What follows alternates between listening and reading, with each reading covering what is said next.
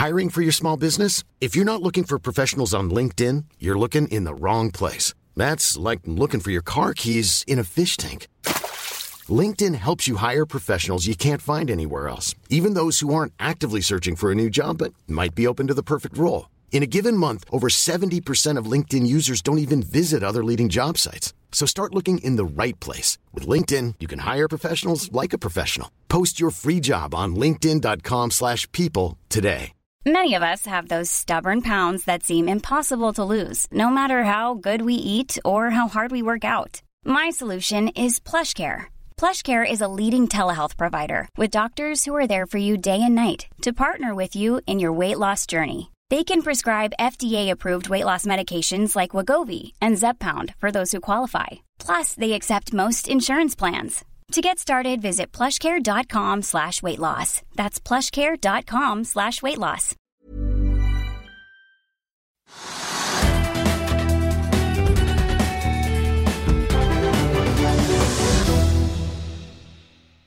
Velkommen til Økonominyhetene i dag, onsdag. I dag skal, har vi snakket med Gøran Linde, som er administrerende direktør i børsnykommeren Eco Online. Vi skal også se nærmere på hva som rører seg på Oslo Børs og i USA.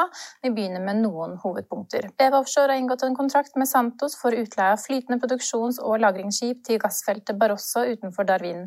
Kontrakten har en verdi på nær 40 milliarder kroner, som nesten er syv ganger selskapets markedsverdi. Carnegie-analytiker Fredrik Lunde mener kontrakten kan øke selskapets EBDA med 5 50 BB Offshore stiger akkurat nå 10 DNB Markets reduserer kursmålet på Aker Biomarine fra 120 til 105 kroner. Aksjen er ned 10% siden nyttår og faller 4 i dag. Kepler Charot mener Salaris er godt posisjonert for å dra nytte av dagens trend, hvor stadig mer av hverdagen drives av teknologi. Eh, selskapet eller meglerhuset starter dekning på aksjen med kursmål på 80 kroner og en kjøpsanbefaling. Salaris stiger nesten 4% Oslo Børs. Richard Branson har lagt ut en twittermelding der han nevner plastgjenvinningsselskapet Agilyx i positive ordlag. Det skjer i forbindelse med at hans datter har intervjuet Tim Stedman om selskapet, og Branson deler også intervjuet på sin Twitter-konto. Aksjekursen er akkurat nå opp nesten 5 Oljeprisen stiger etter stiger etter at et av verdens største containerskip har grunnstøtt i Suezkanalen i Egypt og blokkerer trafikken. Brentollet står opp 4% til 62,7 dollar fatet. På Oslo Børs er det flatt, Trygve, men den grønne euforien som så ut til å prege Green Minerals sin børsnotering i går, kan allerede ha avtatt. Ja, det tror jeg. For det første er det et veldig lite selskap. Og som jeg sa i går, så det var den første noteringsdag i går, så sa jeg det at jeg syns det er litt skummelt og vanskelig å forstå at et bitte lite selskap uten noe særlig penger og muskler og stor balanse og historikk kan begynne å lete etter da kobber eller andre mineraler da, mellom Jan Mayen og Svalbard på dypt vann. Det er liksom, Hvor mye skal du investere for å komme ned på bunnen der, og hva skal du investere på bunnen for å få ting opp? Hva, altså, for meg ser det ut som et kjempestort, vanskelig prosjekt. Eh, men man kan, man kan ikke utelukke at folk kan finne mineraler på havbunnen, men vi vet jo hvor kostbart det er da å ta mineraler fra fjell eller sandarealer, sand, sand, sand, uh, eller hva det måtte være. Så Det syns jeg var kjempeskummelt. Og det, aksjen er da en av de store taperen i dag. Den er bare ned 10% eller 10-12% Ja, og den steg jo voldsomt i går. Ja, det var på et tidspunkt opp 46 ja. Men, men, det, men det syns jeg på en måte at det der er, er et bitte lite selskap. Det er sprunget ut av Seabird Exploration. Uh, og Seabird eier da 70-80 av selskapet. Så, men dette er småtterier. Og det må de få lov å drive med, men altså, da seriøst å plassere pengene i det selskapet fordi at man skal få den avkastning på pengene, en inntjening over noen få år, det kan du bare glemme. Ja. Ja, og Det viser markedet i dag, at det skjønte markedet. At det er ikke bare å kalle det green minerals, og så får det liksom en så blir man løftet for Oslo Børs. Det ble man, og så fikk man en liten trøkk ned, og så falt man en liten trøkk til i dag. Ja, og så er det et annet grønt selskap som også har en litt uh, vanskelig børsdag i dag. Vov er ned 10% Trygve? Ja, det er, altså, det er, litt interessant, for vi, de var også gjester hos oss på investordagen.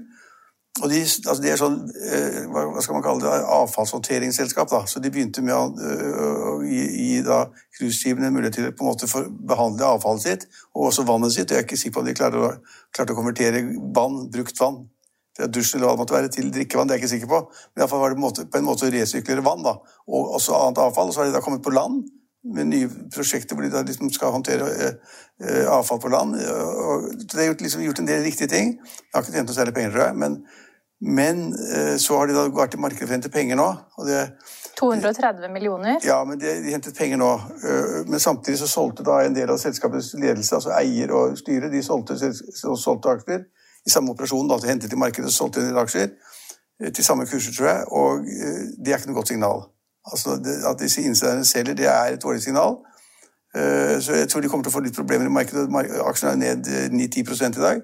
De vil få problemer med å forklare det, og så sier de da det, det tradisjonelle som jeg da har hørt, jeg har, hørt holdt på noen tiår, i, den, I de tilfellene hvor noen insidere selger for å få litt penger, det er alltid greit å cashe inn litt, skal kjøpe hytte, kjøpe bil eller skilsmisse eller hva det skal være, mange grunner, men så sier de at de, de selger aksjer for å skape flyt i aksjen, mer likviditet i aksjen. Det er stort sett bare tullprat. Det er sånn klisjé som næringslivsfolk bruker når de ikke har noe annet å si. Så, jeg, så det er for dårlig. Så, så ja, da altså, tror jeg også at den, de aksjene som ble solgt, for de solgte jo da 3 millioner aksjer til 46 kroner stykket, det var jo da til en kurs som ga en rabatt på 8,4% til gårsdagens sluttkurs. Ja, men sånn er det. Altså, skal du bli kvitt en stor pott aksjer i dag, så er det vanlig sats. vanlig. Du kan ha avvik fra alt. Det vanlige er at du da må gi en rabatt på 8 Hvis jeg ikke husker helt feil, så tror jeg den rabatten som da Bjørn Lund Gjelsten ga da det, han solgte en stor pott aksjer i Kid for 500 millioner kroner, så tror jeg også han ga en rabatt på 8% ja. Så ja, så Det hjelper jo ikke da at Henrik Badin ble beæret med EUs vekstskaperpris i går, når, eh, når de henter penger til markedet, og selger aksjer i samme operasjon. Nei, jeg tror markedet syntes det var litt skummelt at de liksom hentet penger i markedet til selskapet. Samtidig solgte da eieren seg ut. og typisk sånn innsidehandel liksom, da, da man kanskje oppnår det man skal, eller man tror kanskje ikke på kursvekst så mye fremover. Det er vanskelig å si, men begrunnelsen om at man skal skaffe likviditet i aksjen, den er syltynn. Ja. Og vi går gjennom taperlisten til å begynne med i dag, vi. For da dagens taperaksje, den aksjen som faller desidert mest, eh, er eh, faktisk Atlantic Sapphire, som er ned 12,5% Ja, det er et oppdrettsselskap, og det har vi snakket mye om, og det syns vi er veldig gøy, begge to. Og, eh, men, men, det er et landbasert oppdrettsselskap, og det er ganske komplisert å få i gang det. Men de var, de, de var ganske imponerende da de startet opp. Og de turte. Liksom Innenlands oppdrett av laks ja, i Miami? Litt, ja, det er litt lettere å liksom ha en sånn merd ute i fjorden et eller annet sted på Vestlandet. Eh, så det var ganske imponerende. Men nå har de fått det problemet som man ofte får de, hvis man driver med lakseoppdrett eller annen oppdrett. Og det, de har fått sykdom da, at det er liksom så mye fisk som har dødd. Jeg kan ikke, Det er ikke min spesialitet, men poenget er at de har forstått av det de sier, er at fisken som sirkulerer inni disse anleggene, de har kommet ned på bunnen av anlegget, der hvor det er sånne dyser eller filtre eller sånn. Så har de da ikke fått den flotasjonen oppå vannet som man skal. Iallfall laksen er død. Ja, 125 000 laks på én kilo døde. Ja, og det er ganske mye, for da, hvis man grovt sier det, så er det 5% av årsproduksjonen. Så Det likte jo ikke markedet i det hele tatt, og markedsverdien på da det lakseoppdrettsselskapet er ned 1 milliard kroner i dag. Og Der har de kjente investorer som Tor Aksel Vollberg annet, og ja, hvem flere? Jeg kjenner ikke hele aksjonæren. Ja, nei da, men det tror jeg Vollberg og flere andre kjente investorer som har gått inn der. For fordi det er spennende, og det er noe nytt. Og lakseoppdrett i Norge har vært kjempelønnsomt, og de som har drevet med det, har blitt kjemperike. Og så har man da prøvd seg på lakseoppdrett på land, og det fikk, det fikk jeg litt sånn Det, har liksom, fått en litt sånn tøff start? Ja, og, og disse, flere av disse aksjonærene har da tapt 60 70 eller 100 millioner kroner på, på papir. Å jo, jo! Også, også Vatne er med der. Så det er masse gode, profesjonelle investorer som er med, og som har satset på da landoppdrett. Og så har de fått en smell nå. Om den smellen varer, vet jeg ikke, ja. men det er dagens tap på Oslo Børs. Ja, og SEB-analytiker Bent Rødland estimerer et direkte tap på mellom 10 til 15 millioner. Men som du er inne på, så er jo da verditapet i aksjen eller markedsverdien langt større enn Den er mye viktigere enn de 10 millioner som de kan tape. Ja. Eh, så har vi Element, som også er på dagens taperliste, ned 8% vil endre navnet sitt til DLT etter at de har gjennomført eh, kjøp av aksjene i DLT Irland gjennom et aksjebytte. Ja, Det, har jeg ikke noen kommentar til. Nei, Vi har jo snakket om Element gjentatte ganger. ganger ja. så liksom, det var liksom gruveselskap, og så skulle du kryptoselskap osv. Men det vi burde snakke om, ja. det er litt flybransjen. Ja. ja. Ja, altså Tenker du på da denne emisjonen i eh, North Atlantic Airways? Ja, Den gikk veldig greit, for de skulle ha en 1,4 milliarder kroner, og det gikk kjempegreit. Og det gikk så greit at Bjørn Kjos, som av alle skulle bli med, hadde han sagt, og er med på det nye selskapet. og Nå skal man ha satse på lang, langdistansefly. Og langdistansefly var det som egentlig førte til tapene og kostnadene i det gamle Norwegian. Det, det eksisterer fortsatt. Og mange mente at liksom da, de måtte bare bli kvitt det. og så kvitte seg med det, og man hadde ni eller ti langdistansefly. Og nå i det nye selskapet som han skal bli med, så skal de satse på, skal de satse på langdistanserutene. For det er det de tjener penger på, sier han nå. Ok. Men, men Bjørn Kjos fikk ikke tegnet aksjer i går tidlig eller i natt, eller når det var, fordi han var på skitur om morgenen. Ja, altså Han eide vel i forkant av emisjonen 25% av aksjene i selskapet sammen med Bjørn Kise, men, men jeg vet ikke, jeg, Trygve. Altså legger man ut på skitur i det det skal være emisjon i et selskap man Nei, høres- eier 25 i? Det høres tullete ut. Men de fikk inn masse penger, og de har åpenbart noen gode folk rundt seg. Og de skal da konkurrere på, mot SAS og Norwegian. Men det som er litt morsomt, altså det fly, flyr, selskapet Flyr, som da er på en måte ledet av Erik Bråten, og, og han var initiativtaker til det, de, de hadde en emisjonskurs for noen måneder siden for fem kroner per aksje.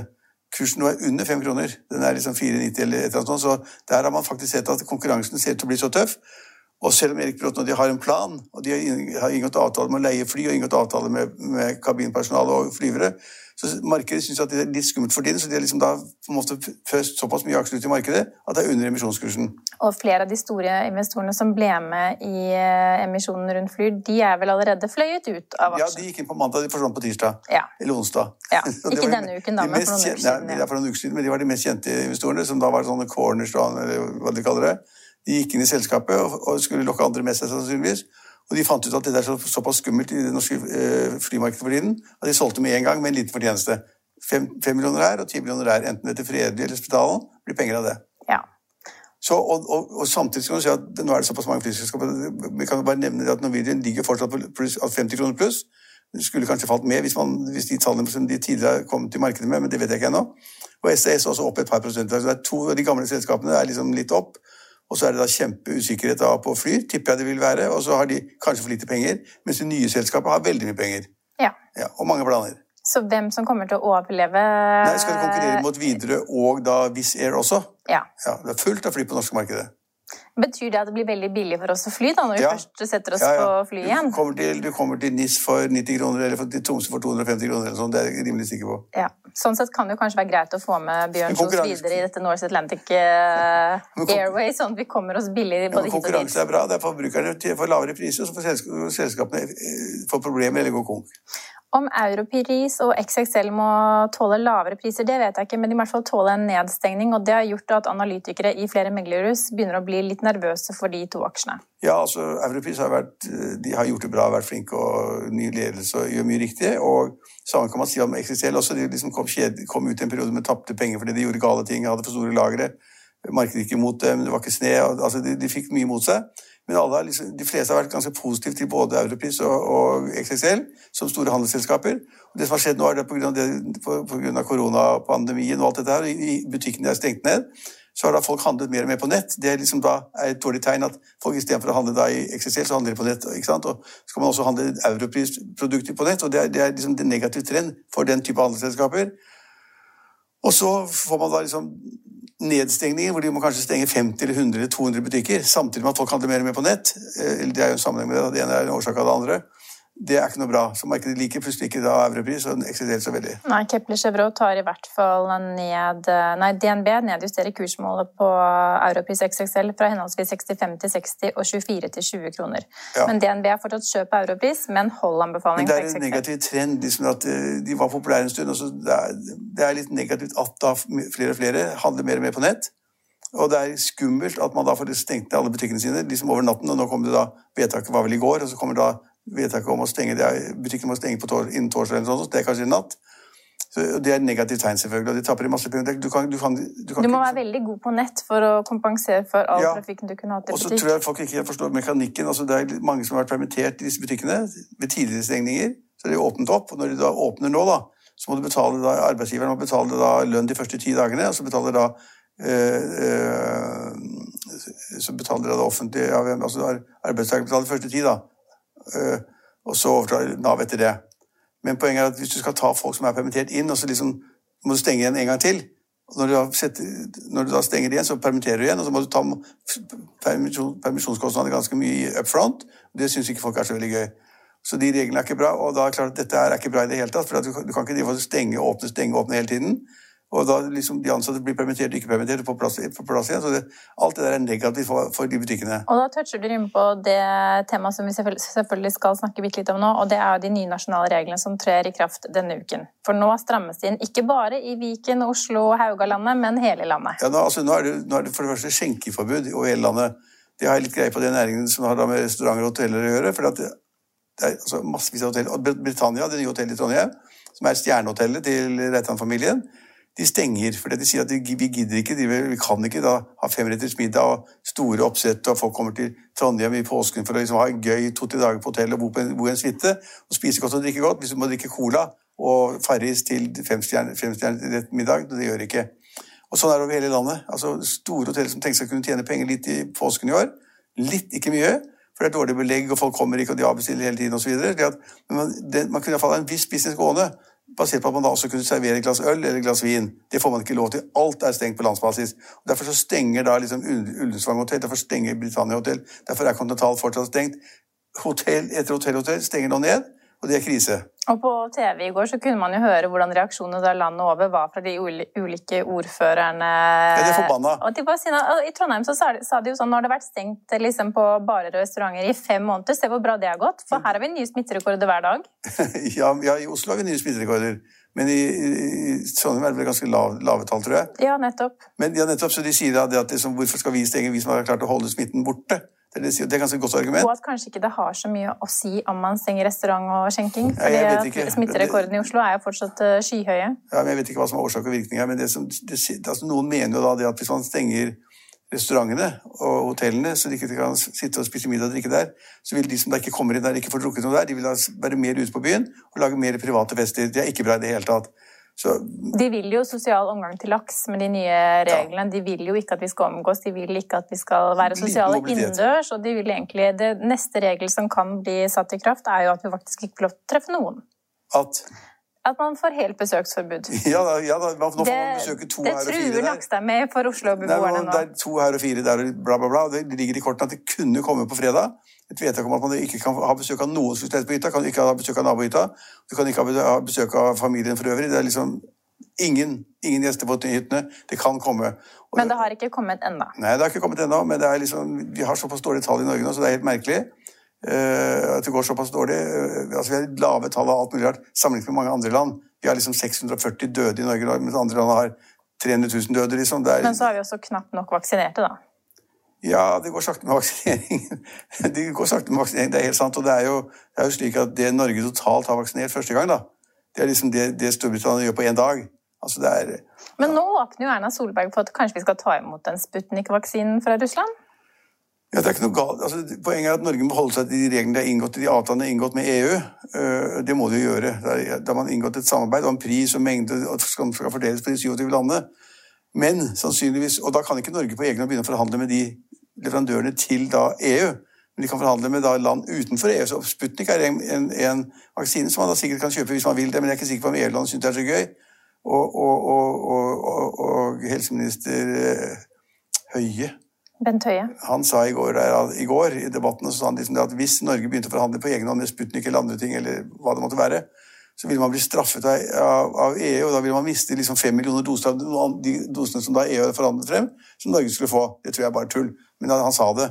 Men man frykter det kanskje, og det er jo litt dramatikk når Jeg tror ikke EU ville sagt at å, har du bestilt to millioner doser av Sputnik, da tar vi fra deg de syv millioner du har forhandlet frem med oss. Jeg tror ikke det er sånn det fungerer. Men han truet med det. Ja. Han truet med det. Men altså, vi ser at det er liksom dramatisk rundt vaksinefordeling og vaksineflyten. For AstraZeneca blant annet, som har da store leveranser til Storbritannia, nå var det plutselig var det 30 millioner vaksiner som ble funnet i Italia. For der var det noe på avveie, og det likte ikke EU. Og, og den skulle snikes inn i Storbritannia Nei, men, bakveien. Men, og, men, det, blir ikke, det, blir ikke, færre doser vaksine i verden. Det Er, nå er det fire-fem leverandører, alle sammen produserer som hakka møkk og det kommer frem et eller annet sted. Så jeg er, ikke redd, jeg er ikke redd for at man ikke får nok vaksinedoser, men noen må utføre jobben med å vaksinere også. Og Der er kanskje Norge veldig dårlig, og så er det andre land mye bedre. Så er det mye tøffere. Jeg, altså i, i, USA så tror jeg de, de vaksinerer 1 eller 2 millioner hver dag nå. Og, er, og i Storbritannia har de klart da opp mot en million per dag. Så ja, altså jeg tror vaksine får man tak i, og det viser, hvis det viser seg at denne Sputnik-vaksinen ikke er noe dårligere enn AstraZeneca eller eller Pfizer eller hva det måtte være, så, så, er det ganske interessant. Og da blir det enda større tilbud, og da vil prisene falle. Ja, hadde vi klart å sette én million vaksinedoser per dag, så hadde vi vært fullvaksinert i løpet av et par ukers tid. Ja. ja. Det er skummelt, og det, er, men det vi må regne med, det, det, du begynte med, det er det at myndighetene er usikre. Det er såpass stor, stor smitte at de da på en måte tar bort enhver mobilitet. og Da kan det tenkes at man ender opp med at man ikke kan ha med seg gjester hjem eller ha med seg gjester på hytta i det hele tatt. Hvis man innfører det. Og inntil det så må man da holde seg til andre reglene som de har, så i de nasjonale reglene og de kommunale reglene, hvor da man noen steder kan ha én gjest, noen, noen, steder kan man ha to gjester, og noen steder kan man ha fire gjester. Ja, Bortsett fra at akkurat nå så er de nasjonale reglene at alle kan ha opptil to gjester. Er, er det to nå på alle? Ja. Så vi får håpe at ikke de endrer på de før påskeferien, da. Ready to pop the question? The jewelers at BlueNile.com have got sparkle down to a science with beautiful lab grown diamonds worthy of your most brilliant moments. Their lab grown diamonds are independently graded and guaranteed identical to natural diamonds, and they're ready to ship to your door. Go to BlueNile.com and use promo code LISTEN to get $50 off your purchase of $500 or more. That's code LISTEN at BlueNile.com for $50 off. BlueNile.com code LISTEN. I'll see you in court. Vi sier det ofte litt på spøk, men for deg som driver business, er det aldri moro å innse at du ikke har laget en 100% gyldig kontrakt. Du bør ikke risikere hele firmaet ditt fordi du synes dette med kontrakter er litt stress. En avtale er ikke en avtale. Du kan miste kunder, miste venner, ja, til og med miste inntekter om du ikke lager en skikkelig kontrakt, på alt mulig, egentlig. Men vi vet det er et styr kopimaskiner, tregprinter og haugevis av papir. Dessuten stoler vi jo på folk her i landet. Det er ofte litt kleint å skulle be om en signatur for alt mulig, ja, for mye av styret handler også om jakten på underskriften. Det finnes en enkel måte å løse dette på, Dukkobit, en trygg, effektiv og get this, gratis måte å sikre seg en god natts søvn pluss en juridisk bindende avtale. Dukkobit-appen har de strengeste sikkerhetskrav i bunn, samt en EU-godkjent og sertifisert teknologi. Framover vil det bli behagelig å spørre du, skal vi skrive under på det, eller? Kom i gang på dukkobit.no. Da skal vi videre til en nykommer på Euronext Growth som ble notert i dag. Det er nemlig Eco Online, og vi har snakket med administrerende direktør Gøran Lindø. Gøran Linde, administrerende direktør i Eco Online. I dag tar dere selskapet på Euronext Growth. Hvorfor var det riktig for dere å notere selskapet her nå? Ja, det er jo tanker som har vært med oss en stund, men det har gått litt raskere enn forventet. Vi har hatt en eh, fin bølge av digitalisering som drivit på bruk av vår SAS-software eh, for sikrere og mer bærekraftig arbeidsplass, samt som har har ehm, eh, vi haft ett fantastiskt team som har gjort att bolaget har utvecklats snabbare än vad vi har trott. Och eh, nu tar vi på oss på börs för att ta ytterligare kapital in för att stärka vår växtresa framåt. Ja, Dere er jo størst i Nord-Europa på utvikling av innovativ eh, programvareteknologi for økt kjemikaliesikkerhet og kostnadseffektiv HMS-arbeid. Hvordan vil du beskrive det siste året i lys av, av disse kjerneverdiene? Ja, det har ju varit väldigt eh, omvälvande år för oss alla tror jag på många sätt. Men det är klart att den här covid-pandemin som har skett har faktiskt gjort att digitalisering och även hälsa och säkerhet har satts eh, högre upp på agendan för de flesta av oss och för de flesta av våra kunder. Så det har gjort att frågan har aktualiserats eh, ännu mer. Um, så det är fint och jag tror generellt har vi sett som sagt i samhället en trend där fler och fler företag inser att um, Eh, bärkrafthet, eh, säker och hälsosam arbetsplats är väldigt viktiga attribut både för att attrahera talanger men även för att attrahera kunder och leverantörer över tid. HMS-tjenester har jo vært kjent for å være ganske traust og, og tråkig, hvis vi skal ordlegge oss på svensk. Hva, hva, hvilke planer har dere for å videreutvikle dette til å bli et spennende verk? Ja, men det är bra att du tar upp det. Jo, men det är nog ofta så tyvärr. Vi försöker ju verkligen vara engagerade att skapa en software som är både enkel och engagerande att använda. Och vårt mål är just att engagera hela arbetsplatsen i en ökad kultur runt säkerhet och bärkraftighet. Och det är bevisat att det har stor påverkan då, både på företagets effektivitet på kort sikt men inte minst på lång sikt att skapa då en arbetsplats med mindre frånvaro kan vara det jag tror inte många känner till, men WHO estimerar ju att 4-6 procent av BNP går förlorade i de flesta länder varje år på grund av dålig hälsa och säkerhet på arbetsplatsen. Så det här är en signifikant kostnad för företagen och för samhället när man inte har ordning på det. Og du forteller at dere hentet en, en, del penger eller midler før dere gikk på børs nå. 500 millioner kroner fikk dere inn. Hva skal disse pengene brukes til nå? Ja, vi ska investera vidare i växt, både organisk växt, att utveckla vår produkt och vårt erbjudande och göra det attraktivt. Fortsätta att investera i sälj och marknadsföring, eh, också för vidare växt. Men eh, inte minst så kommer vi fortsätta att se efter strategiska uppköp. Vi har gjort eh, sex stycken uppköp de sista tre åren och vi har också då växt organiskt med 30 procent eh, de sista tre åren. Eh, men det är att fortsätta att investera i det och kunna få mer fokus på det. Vi tror också att en notering i sig ger att vi kan få lite mer uppmärksamhet för det vi gör och uh, den uh, faktiskt uh, påverkan vi har på våra kunder och samhället och det tror vi också är bra för efterfrågan. Hur oppkjøp, hva slags selskap ser dere etter da? Ja, vi ser ju både efter sällskap som kan addera en bra kompetens och stärka vårt team, det vill säga människor. Vi tittar också efter efter nya produkter och erbjudanden inom HMS-området då, som vi är, vi inte lika starka på idag. Och i viss mån ser vi även efter uppköp i nya geografier. Vi har en ledande och stark position i alla nordiska länder idag och i Storbritannien och Irland och har en första fot in i USA. Men i övriga länder har vi inte kontor idag. Nei, fordi at hvis, hvis, de tallene foran meg stemmer, så har det rundt 370 ansatte da for det, og 6500 kunder, eh, bedriftskunder i Europa og USA. Har dere satt dere noen mål om hva dette skal være i løpet av ett, tre til fem år? Ja, alltså det målet vi har sagt är att liksom, som jag har nämnt vi har växt 30% organiskt de siste tre årene og gjort tre uppköp som gjort att vi har växt nästan 50 totalt. Och det kommer vi fortsätta vilja arbeta med, alltså både uppköp och organisk växt. Det var sagt att organiskt 2025 så har vi ett mål att nå över en miljard norska kronor i AR. Eh, och det ser vi att vi kan göra med växt, eh, framförallt faktiskt i redan befintliga marknader. Det är så mycket kvar att göra. I vår marknad så har 80% av kunderna fortsatt inte tagit i bruk en effektiv SaaS-software för detta utan använder manuella rutiner Excel och, och, papper och penna helt enkelt fortsatt. Så det finns eh, massa kvar att göra även i de marknader vi redan befinner oss i. Men som sagt, vi är ju väldigt dedikerade framåt och även i ledningen upp till tre års eh, locka på våra aktier. Så vi har ett långt commitment framåt att växa sällskapet vidare.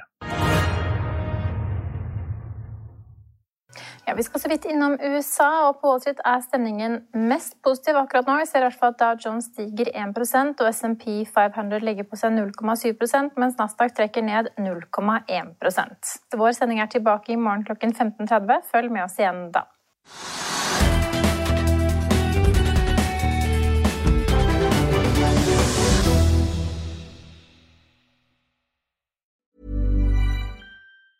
Hey, it's Danny Pellegrino from Everything Iconic. Ready to upgrade your style game without blowing your budget? Check out Quince. They've got all the good stuff shirts and polos, activewear, and fine leather goods, all at 50 to 80% less than other high end brands. And the best part? They're all about safe, ethical, and responsible manufacturing.